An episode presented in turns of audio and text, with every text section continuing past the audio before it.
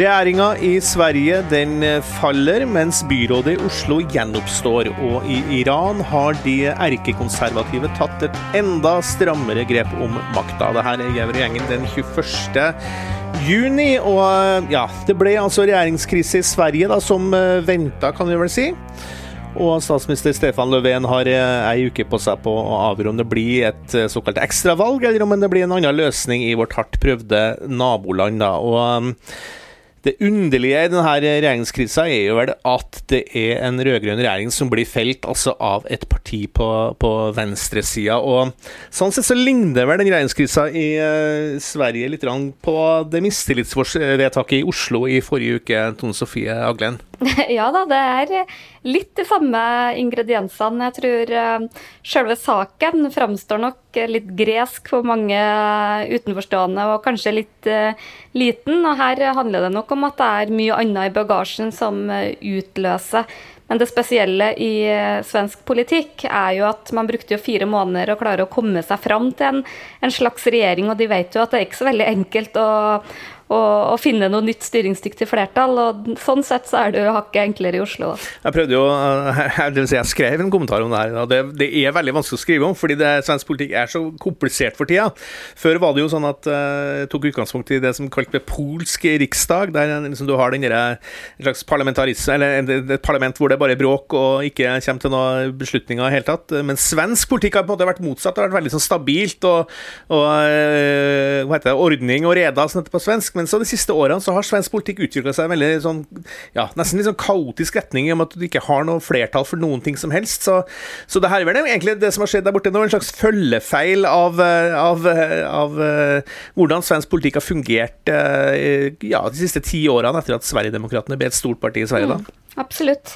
Og det er jo litt sånn Kjernen med problemene i svensk politikk er jo at ingen um, har ønska å ta i Sverigedemokraterna med ildtang engang. Og samtidig som det har skjedd, og det, det politiske establishment bare oversetter dem, så har det jo bare vokst og vokst og vokst.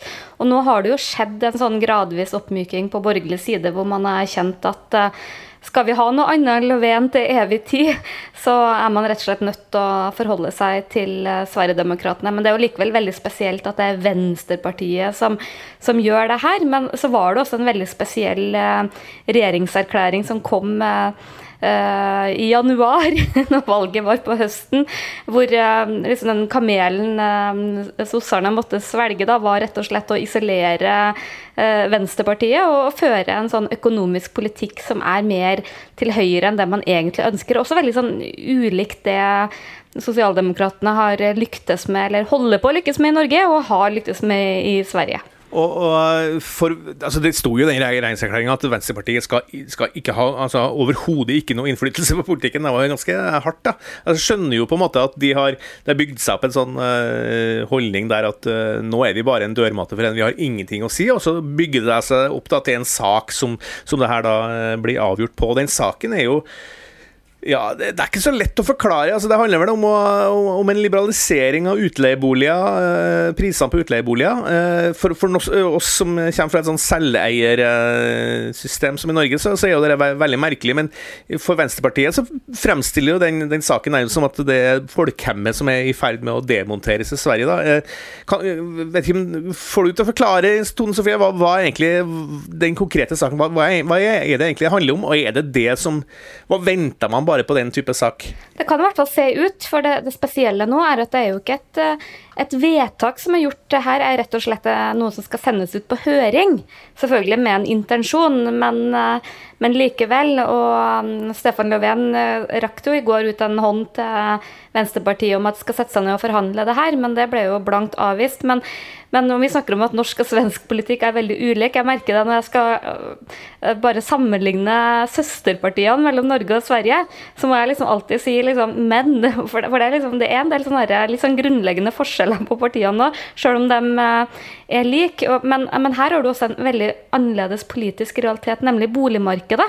Og boligpolitikk er jo noe som mange i Norge egentlig mener burde vært eh, mer offentlig styrt, om man kan kalle det det. Veldig overlatt til markedet har vært, mens i Sverige så er det motsatt. Det har vært veldig statlig regulert, som og det har vært liksom på godt og vondt, da, for det har liksom vært lett å, å leie bolig og sånn, men uh, noen vil kanskje si at det har, har, hatt en del negative konsekvenser. Og en helt åpenbar konsekvens er jo at det ikke har lønt seg for utbyggere å bygge nytt. Så man uh, er jo langt på etterskudd med nye boliger i Sverige, og det er jo derfor man mener at det her må gjøres med nye boliger, som jo ikke vil ta lang tid for det vil være et endret boligmarked i Sverige. Det vil være ganske få det dreier seg om hvert år. Men for Venstrepartiet er dette åpenbart en veldig viktig symbolsak. Og Så får vi nå se da hvordan det, hvordan det går. Löfven sier at han skal bruke uke på seg, for, for, det er vel det som står i Grunnloven, at du skal få en ny regjering på plass. da, Om det blir et ekstravalg, eller om det blir en ny type regjering, eh, basert på det sånn som parlamentet er nå. Eh, det er vel litt som i Sverige som i Norge, at eh, Senterpartiet sitter litt med nøkkelen her. da, Og, Som du sa, så er jo det svenske Senterpartiet noe helt annet enn det norske Senterpartiet igjen. En mye mer borgerlig parti. EU-vennlig eh, e parti, f.eks. Eh, Og mer storbyparti, pussig nok. Ja, nettopp. Agrarpartiet Sverige er storparti. Det er jo fordi det, noe, noe, det finnes jo nesten ikke noen gårder i Sverige nord for Stockholm. Men, men, men hvis Senterpartiet nå bestemmer seg for å gå på rød-grønn side side i Sverige, da, eh, mulighet der, så, så, så, har vi jo en politisk situasjon som ligner ganske mye på den vi, vi har i Norge, eh, også på, på, i, i, parlamentet. da. Mm, og, og, det er jo det man spekulerer om i, i svenske aviser, er jo om uh, Senteren skal ta det steget. Og, og, de har jo selvfølgelig fulgt nøye med på det som har skjedd i Norge, og den suksessen som uh, det norske Senterpartiet har hatt både de siste årene, også på rød-grønn side. Og bare sånn, jeg av og til bruker å si For å forklare forskjellen på Senteren og Senterpartiet, så bruker jeg å si at uh, Senteren har egentlig hatt to norske søsterpartier, både Senterpartiet og Venstre. Og det sier egentlig litt om at uh, Senteren også har både det storby, det liberale, det mer europavennlige, som, som gjør det til et ganske annerledes parti. Men, men der de, de, øvrige borgerlige partiene uh, har åpna opp for for et slags samarbeid med Sverigedemokraterna, så har jo ikke Senteren gjort det. Og, og, det er jo kanskje det litt spesielle, for um, sånn, i vår kontekst så ville vi kanskje tenkt at, uh, at, det var en mindre kamel for Senteren å svelge enn det er for f.eks. Venstre sitt uh, søsterparti, da, som er veldig opptatt av liberal innvandringspolitikk og det. Skal uh, følge med mer på Sverige utover i uka. Uh, I Oslo uh, derimot så, så jeg, virker det som at alt falt på plass igjen etter forrige ukes kalabalik der. Raymond Jansen har altså Høyre fikk jo først et slags oppdrag fra, fra ordfører Marianne Borgen om å, om å, forsøke å lage et grunnlag for et nytt byrå, men det ramla sammen i helga, og nå er Raymond Jansen på det meste klar for et nytt byråd. Hva var mistillitsforslaget til Rødt egentlig eh, helt unødvendig, syns du? Nei, jeg, jeg mener faktisk ikke det. Nå syns jeg det er veldig vanskelig å, å forstå omfanget av uh, den vannskandalen. For alle sier det har, ikke, har liksom ikke noe effekt. Men, men, det er jo et prinsipp, er jo hvordan de mener at byråden har fulgt opp noe man har ansvar for. Og jeg syns at Rødt her har, har argumentert Uh, veldig prinsipielt og, og, godt, syns jeg, for hvorfor de ikke hadde tillit til Lan Marie Berg. Det handla både om den informasjonsplikten som vi har snakka mye om, men også om at man mener at, at man som øverste myndighet rett og slett ikke har fulgt opp saken eh, godt nok. Men så er jo liksom det andre, da. Hva er uh, konsekvensen. Og Rødt har jo egentlig fått det akkurat som de ville, for de ville bli kvitt eh, Lan Marie Berg, men fortsatt ha et rød-grønt eh, by, byråd leda av Raymond Johansen. Så sånn i dag så framstår jo de litt som eh, vinnere, sjøl om det liksom Jeg tror for den gjengse velger ser veldig merkelig ut, det som egentlig har skjedd. Ja, og i motsetning til Sverige, der Venstrepartiet der faktisk kan berede grunnen for en, den kanskje mest borgerlige regjeringa Sverige noensinne har hatt, så i hvert fall hadde Rødt i Oslo et utgangspunkt med at flertallet i byrådet Rådet var, var på venstresida, og sånn sett så har de jo i hvert fall blitt kvitt Lan Marie Berg, men ellers så er det rimelig status quo, ser det ut til. De skal vel nærmest gå på, gå på, gå på ny vakt med samme regjeringserklæringa som sist, så vidt vi forstår? Ja, jeg tror ikke det er noen store forskjeller der. Det er vel bare hvem som kommer inn som ny byråd fra Miljøpartiet er vel det eneste. Og sånn sett så var jo det her en litt sånn kinkig timing for Arbeiderpartiet for, og de andre partiene. For jeg tror at etter valget så vil man nok sett for seg at man i Oslo-politikken uansett ville gjort en del justeringer. Vi vet jo f.eks. at leder i Oslo Arbeiderparti, Frode Jacobsen, som også er gruppeleder, han skal med høy sannsynlighet inn på Stortinget og må ut av Oslo-politikken. Så da ville det vært naturlig å få justeringer, men det er kanskje ikke like naturlig nå rett før valget.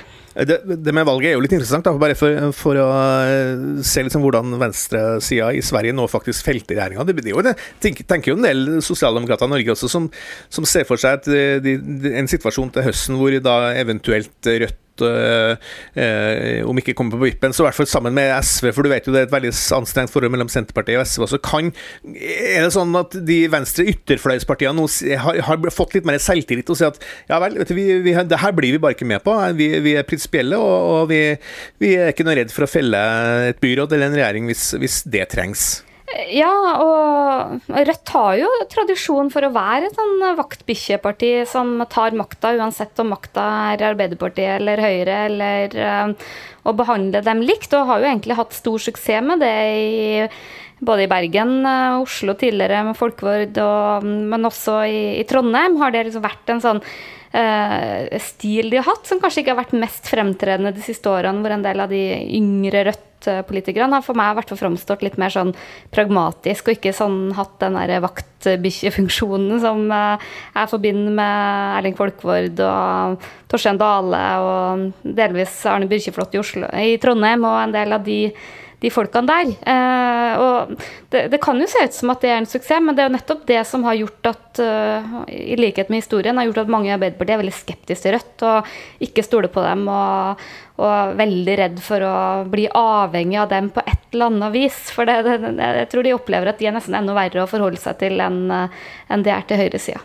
Men uansett hvilken regjering vi får til høsten, om eh, Senterpartiet og Ap, hvis det blir en APSP-regjering, så, så, må de forholde seg ganske aktivt til, til venstresidepartiene. Det er ikke bare å ta dem for gitt og si at de, skal bare, de støtter oss uansett, så kan vi bare lage en politikk i samarbeid med de borgerlige. Her må de, de må ta, de, Det viser jo eksempler fra Sverige, at de må ta de partiene her på, på ja. største alvor. Det tror jeg var ingen dårlig analyse. Per Olav Ødegaard, vi skal et stykke lenger unna til Oslo. Eh, vi skal til Teheran, eller Iran, da, som landet heter. Og fredag var det presidentvalg der. og det var vel også et utfall som var rimelig gitt på forhånd. Da. Den nye presidenten Ebrahim Raisi er kjent som en erkekonservativ hardliner. Og, og hvordan, eh, hvordan, tolker du det her valget, utenrikskommentator Per Olav Ødegaard?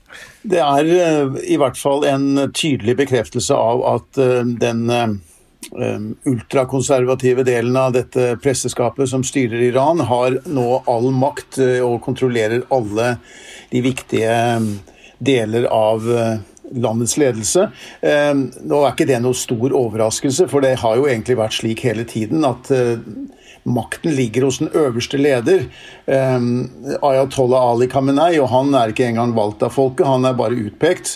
og så har de da i tillegg en president som er, heter seg valgt av folket, men det er heller ikke noe folkevalgt president, fordi du har et vokterråd som siler ut alle kandidater som eh, kan minne om å være i noen form for opposisjon. Altså det, er noe, det, er ikke, det, er ikke, opposisjonelle heller i den forstand, men altså kritikere eller noen som kan eh, utfordre den ledelsen, blir jo da luket ut før de kommer før de får anledning til å stille til valg.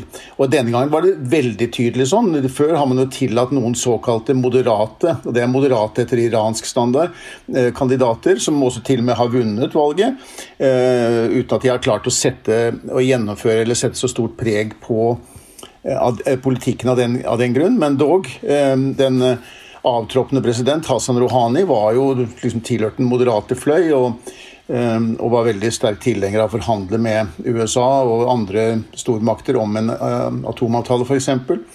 Så det, det, dette bare bekrefter Nå hadde de ikke velgerne noe sånt valg engang. De hadde kun uh, svært konservative kandidater å velge mellom. Han som var um, Khameneis um, kandidat, altså Ebrahim Raisi, han vant som ventet. Han fikk 62% av stemmene. Men, og det er et ganske viktig poeng denne gangen, det var kun 48 40,8 tror jeg, av velgerne som brød seg om å delta i valget. Ehm, det er det laveste noensinne i et presidentvalg i ehm, den ehm, islamske republikkens historie. Og det er litt høyere enn i parlamentsvalget i fjor. Da var det bare 42,6% som stemte. Så de fleste av velgerne enten så boikotter de valget aktivt, eller så har de bare innsett at dette har ingenting for seg å delta i den type valg. Det har jo vært eh, opprør i Iran nå i både for fjor og i fjor. Eh, og, og eh, da var det ja, tilbake i 2019 i hvert fall. Eh, og da var jo Raisi leder for, eh, for rettsvesenet, den the judiciary som heter på engelsk, da, i Iran, og, og kjent som en uh, veldig hardliner uh, som, som, slo ned det opprøret ganske brutalt, for så vidt. Jeg, jeg, det vi ser nå, er vel at, at Vokterrådet og den øverste ledelsen er redd for at det skal skje noe sånt igjen. Altså, de, de, de, de, mener at uh, makta deres på en måte kanskje er litt mer skal vi si, ikke, Om ikke usikker, så i hvert fall, hvert fall mer trua enn, før. Da. Altså, og, det, da er svaret på en måte å, å, å kjøre hardt. Um, han, han, er en, han er jo, har jo en lang historie, Raisi. Kjent for, eh, for ganske hardhendte metoder, er det ikke det? Altså, vi hadde en kronikk her forrige uke fra, fra, en sånn opposisjonspolitiker som nå er bosatt i Paris, og han advarte på det sterkeste mot Raisi som, som en av de, de, de mer ja, hardhendte kandidatene som, som, er da i, i, i iransk toppolitikk. Ja, Han jo, han er jo 60 år, han tilhører jo den, eh, den, generasjonen som var med i revolusjonen da som en veldig ung, uh, ung mann da, den gang. Men han på, gikk på en måte gradene. Han gikk Han ble Han var påtale, han var aktor, han ble dommer. han ble etter hvert, som du, du, var inne på, leder for rettsvesenet i Iran. Han satt da i 1988 i Teheran og deltok der i i en sånn komité som førte prosess mot eh, opposisjonelle som da satt fengslet. Eh, eh, dette var helt på slutten av krigen mot, den åtte år lange krigen mot Irak. Og da skulle de ta og føre prosess mot det som ble, ble regnet som fiender da, av revolusjonen, men som i stor grad var folk som selv hadde deltatt i revolusjonen, men som da ikke delte den religiøse ledelsen, eller de som på en måte vant den maktkampen. Da. For etter den revolusjonen så ble det også en maktkamp mellom de sterkt konservative religiøse retningene og mer liberale retninger, mer øh, venstreradikale grupper, sekulære osv., som også hadde kjempet mot sjahen. Og I 1988 så var jo denne prosessen, som nesten er liksom sånn Moskva-prosess på en måte, i Teheran, hvor, hvor, han var med i en sånn komité. og Eh, da var det jo, altså Menneskerettighetsorganisasjoner regner jo med at det var om, om lag 5000 som da ble henrettet den sommeren. Um, kanskje var det enda flere. Uh, ingen som kan si det med sikkerhet. Um, massehenrettelser, um, umerkede graver også, som fulgte etter dette. og selv sier han at vel, det var en dommer som avsa dommene, det var bekreftet i Irans høyesterett osv., har han sagt i ettertid. Men han har også hatt en aktiv rolle da med å slå ned demonstrasjoner, opptøyer, sånn som i 2009 etter presidentvalget da, og også disse opp, opp, opprørene som var i 2019. og Pga. det så ble han jo da fikk han jo da sanksjoner rettet mot seg, både i USA, men også i EU. Han sa på pressekonferansen etter at han ble utpekt at eh, jeg er en forsvarer for menneskerettighetene. Det er vel mulig å stille spørsmålstegn ved, ved den uttalelsen? Ja, altså Han representerer et system som, som bryter menneskerettighetene hele tiden. Eh, og det er ikke noen overraskelser i dette at han på en måte da, han har vært en del av dette regimet hele tiden. Og, og, dette, og de, det er systematiske brudd på menneskerettighetene som pågår i Iran. Og han har jo da sittet i, i dette rettsvesenet som dette, men vi, vi får jo hele tiden vi ser jo rapporter om hvordan de bruker eh, hvordan de undertrykker rettighetene til, til kvinner, til opposisjonelle, til og, og, og, og, på veldig mange måter bryter menneskerettigheter. Sånn at uh, det, uh, det, er ingen, det, er, det er ingen, Han er en forsvarer av systemet og ikke en forsvarer av noe som minner om det vi mener som menneskerettigheter. Er det her en mann å, å forhandle med? Altså, det er jo snakk om å gjenopplive atomavtalen, det er forholdet til, til, til Saudi-Arabia. Er det en mann å forhandle med? Raisi? Må jo, man må jo forholde seg til ham som president. Eh, samtidig så er det vanskelig for USA for eksempel, å snakke med ham direkte, for det, er sanksjoner mot ham. Men jeg tror, jeg tror, her er det realpolitiske interesser som spiller inn. Og så er det to ting man må ha kanskje i hodet samtidig. Det er, det er riktig og viktig å påpeke iranske brudd på menneskerettigheter og kritisere den politikken som føres. Samtidig så er det faktisk nødvendig å gjøre det som må til for å hindre at man får en atomopprustning i denne her eksplosive eh, regionen. Og det er viktig å gjenopprette denne atomavtalen med Iran, fordi den gir det internasjonale samfunn muligheter til innsyn i det programmet som pågår, og for å forsikre seg om at man ikke bruker atomprogrammet for å utvikle våpen, hvis det er det de har til hensikt å gjøre. Og det, er, det må til for å få en sånn avtale. Så må USA bli med i avtalen igjen. Iran må opprettholde, opp, opprettholde sine forpliktelser, og så kan de få lettelser i økonomiske sanksjoner. Dette er, det er fornuftig politikk, men eh, det betyr ikke at man ikke skal være også veldig tydelig hva slags regime man har å gjøre med. Vi lever i en verden der eh, realpolitikken i aller høyeste grad eh, lever videre. Vi skal runde av den sendinga her i hvert vårt hjemmestudio. Per Olav Ødegaard, Tone Sofie Aglen og jeg heter Hans Petter Sjøli. Og den som alltid står fjellstøtt på menneskerettighetene, og som ikke skal gå av etter mistillit, er vår produsent Magne Antonsen. Vi høres i morgen.